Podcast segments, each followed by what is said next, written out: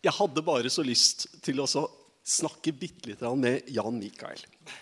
Og eh, jeg tenkte det når jeg bestemte meg for det for en stund siden, at dette skal jeg spørre han om rett før møtet. Sånn at han skal slippe å grue seg. Men eh, jeg er ikke sikker på om du hadde gjort det, men du skulle slippe å tenke så mye på det. i hvert fall. Jan Mikael, jeg tror du er ca. 29 år. Eh, cirka det, ja. Og så er det noen mennesker som betyr ekstra mye for deg. Selv, selvfølgelig så er det kona di, eh, Line. Men du har et par andre. Og Samuel, han er eh, fem år. Er han det? ja. Fem år. Han Nei, han blir, han blir han fire og et halvt, Han er fire og et halvt, han, faktisk. Ja, ja, ja. Han blir fem år i løpet av året. Og så har du ei jente til. Det Hun er ikke gamle jenta. Nei, hun er ei uke. En uke. Han fortjener en liten applaus, altså. Gratulerer. Jeg tror hun heter Marie. Hun heter Marie, ja. Ja, Gratulerer, gratulerer. Går det bra med mor og barn? Det gjør det. Det er eh, stort sett spising og soving. Ja. På den Og da snakker vi om barnet, kanskje? eller? Ja. Ja, akkurat. Ja, ja. Men eh, jeg tror det er godt for eh, mor å få hvile litt innimellom. Jan Mikael, jeg sa at du er 29 år. Jeg er ikke sikker på hvor mange år det er siden. Er det mer, jeg tror det er mer enn ti år siden du ga ut en CD-plate. Ja, det er, Ja, det er drøye ti år. jeg tror ikke det er fullt ti år, men Du tror ikke det er fullt ti år? Nei. Nei, ok. Eh, Men ca. ti år, da. Jeg syns det var en fantastisk flott plate. takk. Eh, Det var noe som du hadde hatt båret i hjertet ditt eh, veldig lenge, enda du da ikke var mer enn 19-20 år. Eller, eh, ikke sant? Du hadde lyst til ikke først og fremst å gi ut en CD, men du hadde lyst til å være med og bidra i lovsang. Du må fortelle hvorfor all verden eh, har du sånn eh, drive på det? Ja, si det. Nei, altså um, da, da kan jeg fortelle om en opplevelse jeg hadde på ungdomsfestivalen på Hedmarkstoppen. Ja? Um, hvor jeg, jeg var veldig glad i å synge. Jeg hadde begynt å synge litt her i menigheten. Jeg var vel en 15-16 år. Så sto jeg på Hedmarkstoppen, og så følte jeg at eh, At jeg sto jo og sang. Men jeg klarte aldri å få helt grep på hva, hva er egentlig lovsang. Eh, og, og, på en måte, ja. vi, vi synger jo alle disse fine orda, men, men eh, jeg ville at det skulle bety noe mer. Og så, så stoppa jeg å synge midt under lovsangen, og så sa jeg til Gud at eh, nå må du vise meg hva lovsang betyr, hva det er for noe. Og så Jeg tror ikke det tok mer enn to-tre minutter, og så bare gikk det opp for meg at det er jo Du synger til meg. ja.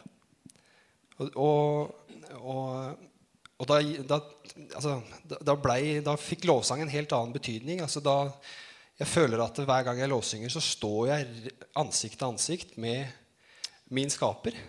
Eh, og får lov til å takke, altså bruke lovsangen som en bønn, som en takk eh, for ham. Jeg, jeg har aldri sett på meg selv som en person som er så veldig flink med ord og be og sånne ting. Men jeg, jeg syns det er veldig godt å bruke lovsangen som min bønn. da. Som en del av mitt bønneliv. da.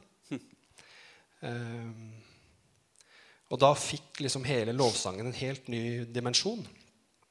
Ehm, og derfor så har jeg blitt eh, helt eh, altså, Jeg føler at det er noe som er lagt på hjertet mitt. da. Som noe jeg skal holde på med. Så lenge Gud sier at jeg skal holde på med det. så ja. Wow. Så fantastisk flott å høre. Så du er ikke først og fremst en eh, artist, men du er eh, i, innenfor Guds ansikt når du stiller deg fram?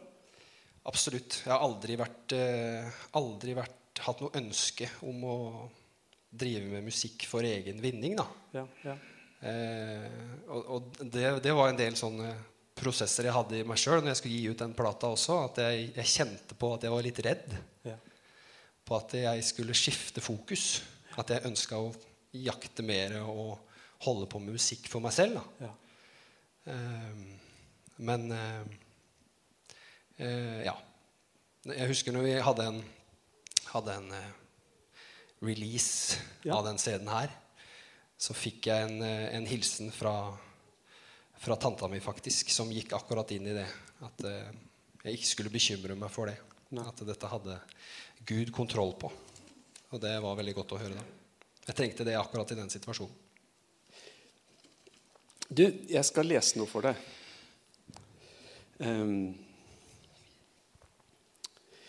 effects of training, age, gender, and selected genes on aerobic endurance performance in cross-country skiing. Hva i alle dager betyr det der greiene der? Nei, ordrett. På norsk så betyr det jo eh, effekt av, effekt av trening, alder, kjønn og gener på prestasjon i langrenn. Og hvorfor tror du jeg leser akkurat de ordene? Nei, altså jeg eh, fullførte jo en doktorgrad på eh, idrettsfysiologi og treningsfysiologi nå i april. Ja, kan få godt få en applaus for det òg, ja. Så dette her er da tittelen på ph.d.-oppgaven som eh, Jan Mikael fullførte da i april. Det der hørtes ufattelig spennende ut. Jeg, det, det, mener jeg. Det var ikke sarkastisk ment. Jeg synes Det er superspennende. Hva, hva, hva har du lært oppsummert i to setninger, da? jeg har lært eh, oppsummert i to setninger. Det er, noe, det er ikke rakettforskning, det vi kom fram til. Men i enkelte miljøer innenfor idrett så er det fortsatt uh, us, altså mange som ikke helt har Eller det virker som at man ikke helt har klart å fange at hvis du ikke gjør endringer i treninga di, så skjer det ingenting.